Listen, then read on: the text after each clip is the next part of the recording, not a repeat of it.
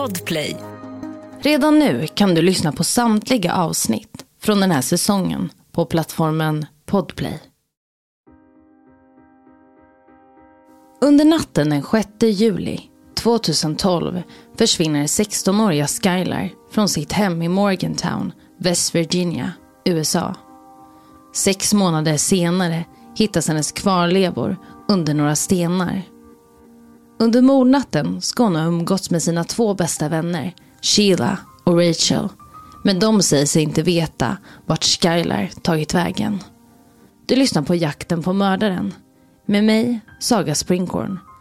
Jag vill varna för grovt innehåll i dagens podcastavsnitt.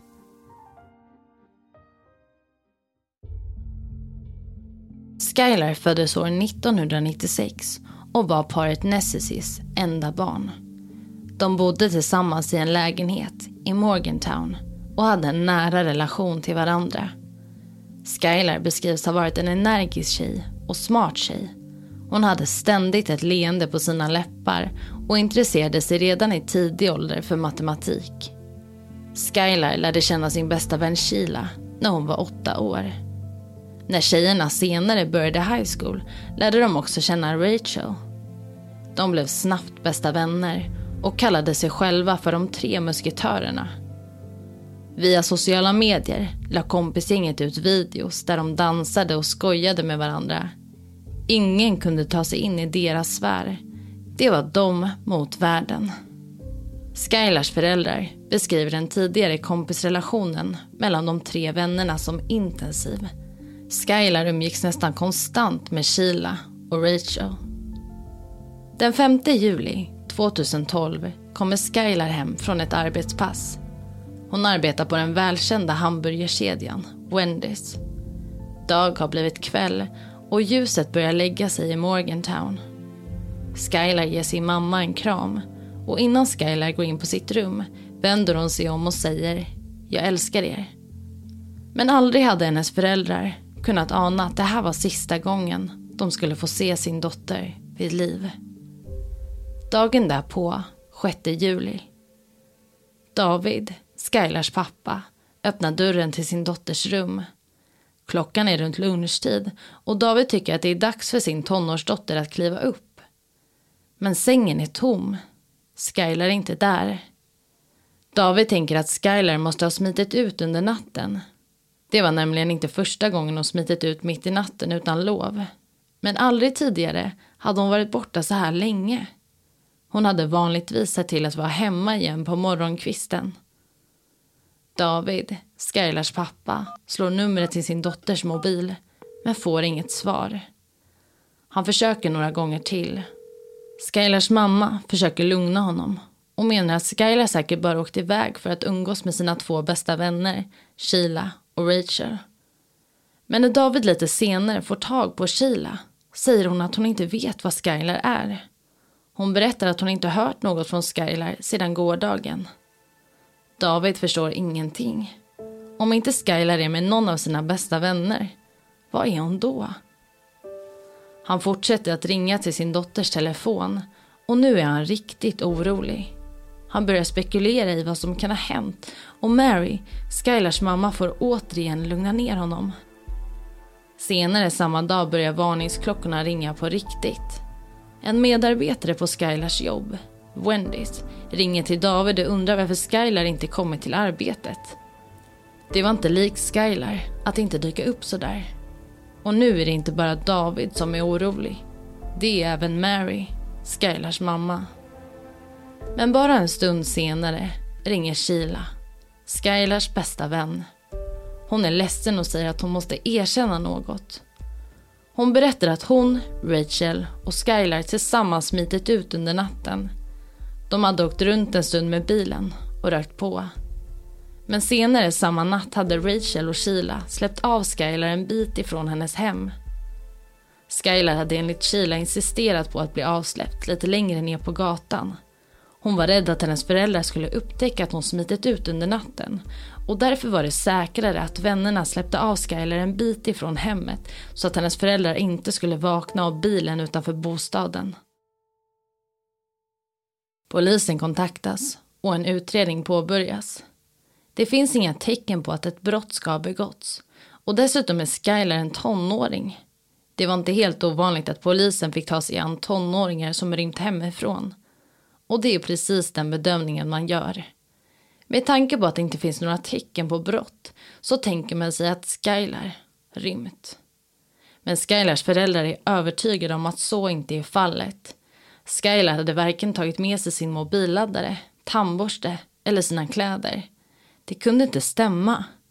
De tror istället att Skylar blivit kidnappad. Sheila och Rachel hade ju släppt av Skylar en bit ifrån bostaden.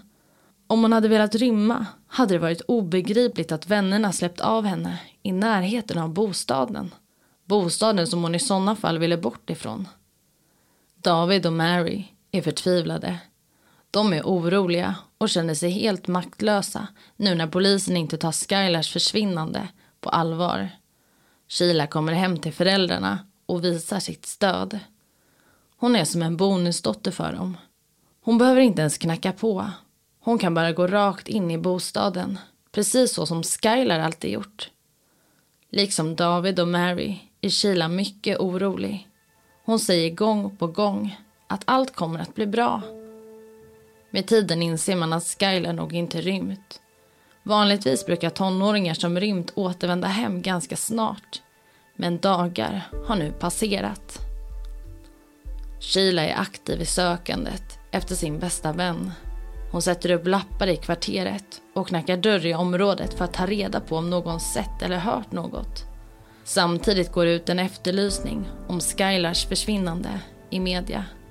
Ett flertal människor hör av sig till polisen och säger att de tror sig sett Skylar på olika ställen i landet. Men inget av tipsen leder någonstans.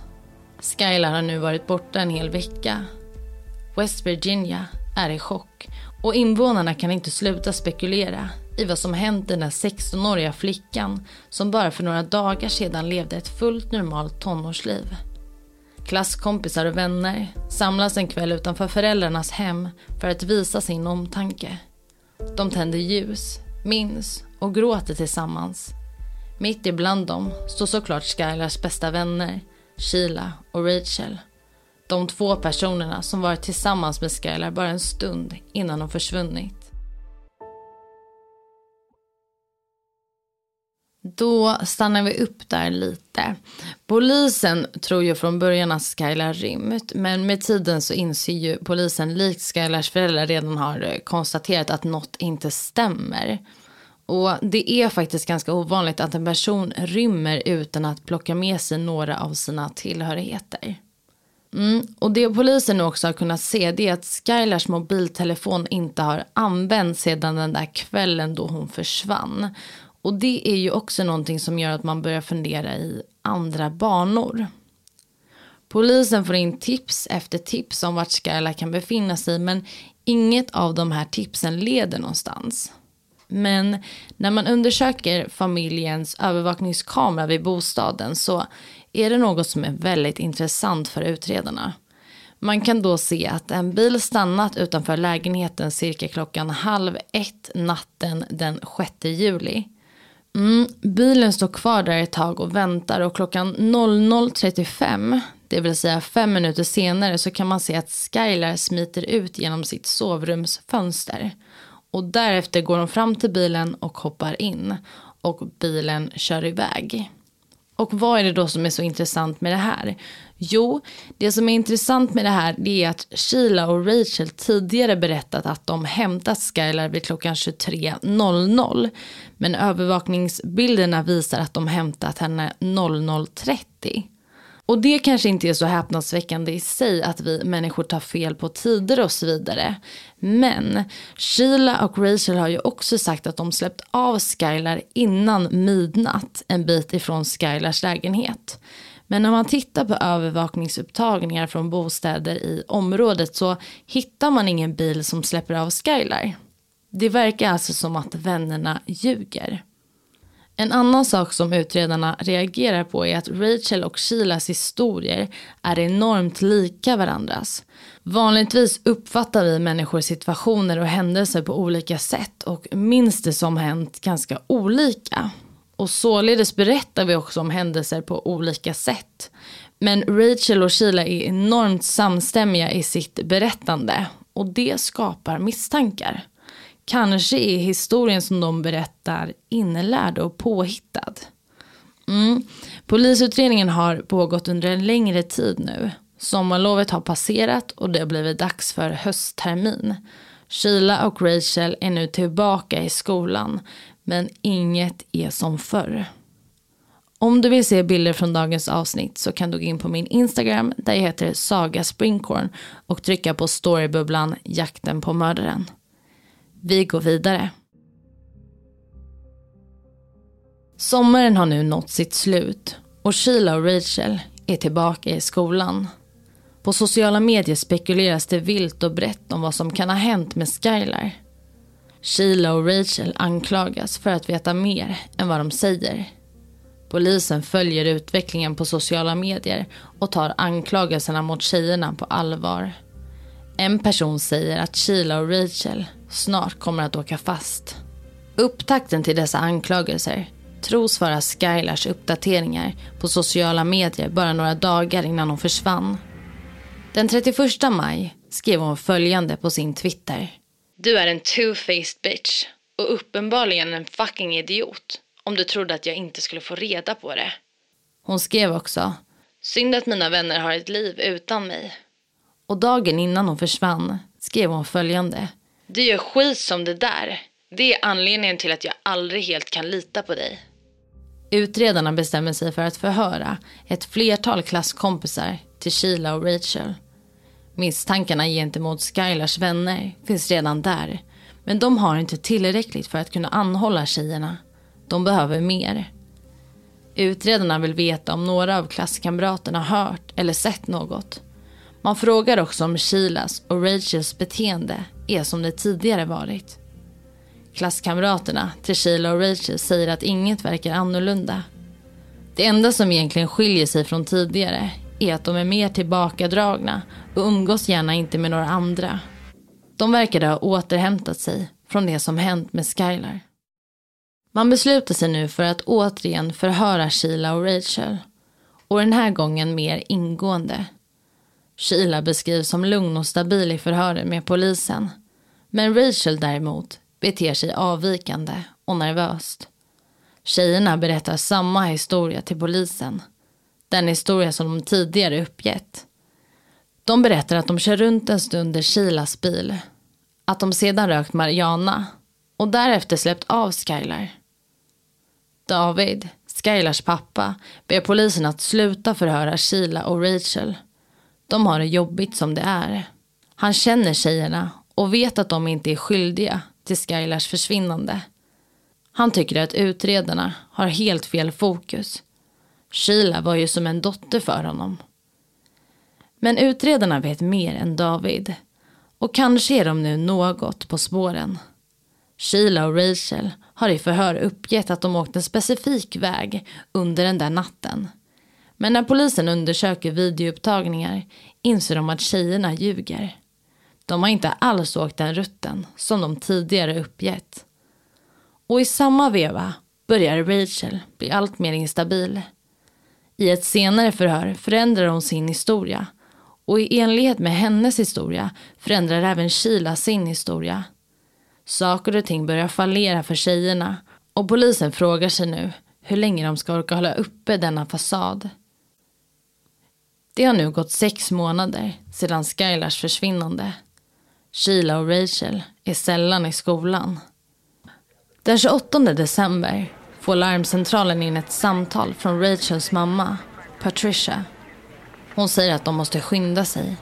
Patricia kan inte längre kontrollera sin dotter. Hon slåss och skriker. I bakgrunden hörs det hur Rachel skriker och säger nej, nej, det är över, det är över. Hon gråter okontrollerat. Rachel orkar inte längre. Hon orkar inte bära på den enorma hemligheten. Rachel blir inlagd på psykiatrin och en dag ber hon om att få prata med polisen. När polisen kliver in på psykiatrin sitter Rachel redo för att berätta hela sanningen. I handen håller hon en kräkpåse. Polisen sätter sig framför Rachel och hon börjar berätta. Hon säger att det är hon och Sheila som mördat Skylar. Vi högg ihjäl henne, säger hon. Det var precis som utredarna misstänkt. Skylars bästa vänner var ansvariga för hennes försvinnande. Man väljer nu att hålla erkännandet hemligt.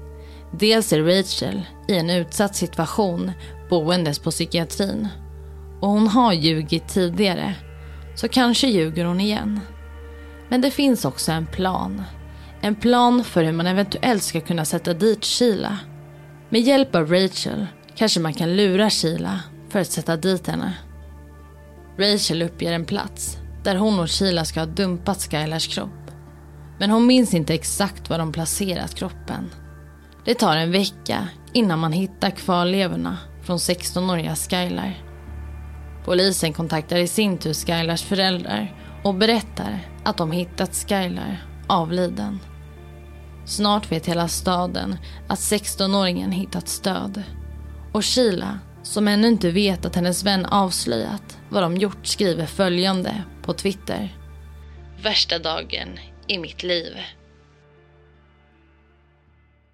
När Sheila och Rachel senare återförenas efter att Rachel varit inlagd på psykiatrin börjar Sheila prata om mordet på Skylar. Och det hon inte vet är att Rachel har en dold mikrofon på sig. Polisen hör allt och allt spelas in. Med tiden får polisen godkänt för att göra en husrannsakan hemma hos Sheila. I Kilas bil finner man blod. Blodet skickas in på analys och när resultatet kommer tillbaka kan man konstatera att det är Skylars blod som hittats i bilen. Kort därpå grips Sheila och Rachel. Så vad var det egentligen som hände den där sommarnatten då Skylar miste sitt liv? Jo, under kvällen den 5 juli kom Skylar som sagt hem från sitt jobbpass på hamburgerkedjan Wendys. Sheila och Rachel hörde av sig till Skylar och ville att hon skulle smita ut tillsammans med dem. Skylar hade till en början tackat nej men efter ett flertal textmeddelanden och telefonsamtal från tjejerna som insisterade på att hon skulle följa med kunde hon inte motstå erbjudandet.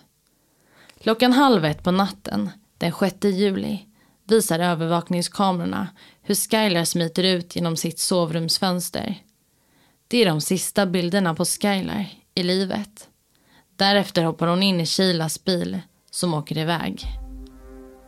I bilen sitter hennes bästa vänner Sheila och Rachel. Vännerna anstränger sig för att bete sig normalt. Sheila och Rachel har nämligen helt andra planer än vad Skylar tror. De har planerat att döda Skylar under flera månaders tid.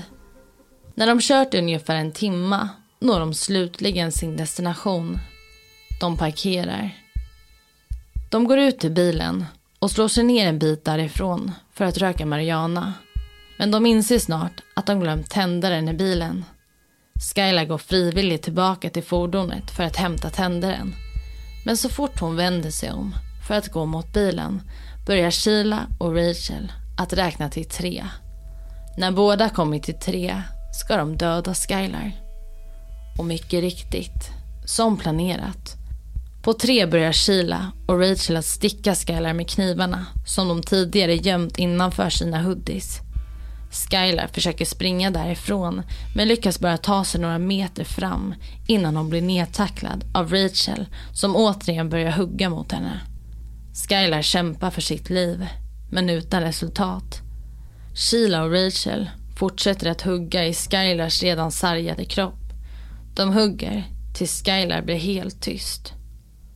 Och 50 knivhugg senare har Skylar avlidit till följd av våldet från vad hon trodde var hennes bästa vänner. Det sista Skylar ska ha sagt var Varför? Och det är en fråga som resten av världen också kommer att ställa sig. Varför? För tiden innan hade Rachel tagit en spade från sin pappas garage och lagt i Shilas bil. I bilen hade de också gömt blekmedel, pappershanddukar och rena kläder som de skulle kunna ta på sig efter attacken. Mordvapnen var knivar som de tagit hemifrån. När Skylar ligger där, avliden på marken, hade tjejerna tänkt gömma Skylars kropp genom att gräva ett hål i marken. Men den ursprungliga planen fick avbrytas då marken var för hård för att gräva i. Istället bestämde de sig för att täcka Skylars kropp med stenar och grenar som fanns på platsen. Därefter städade de mordplatsen och sig själva, kastade sina kläder som var fulla med blod och körde hemåt.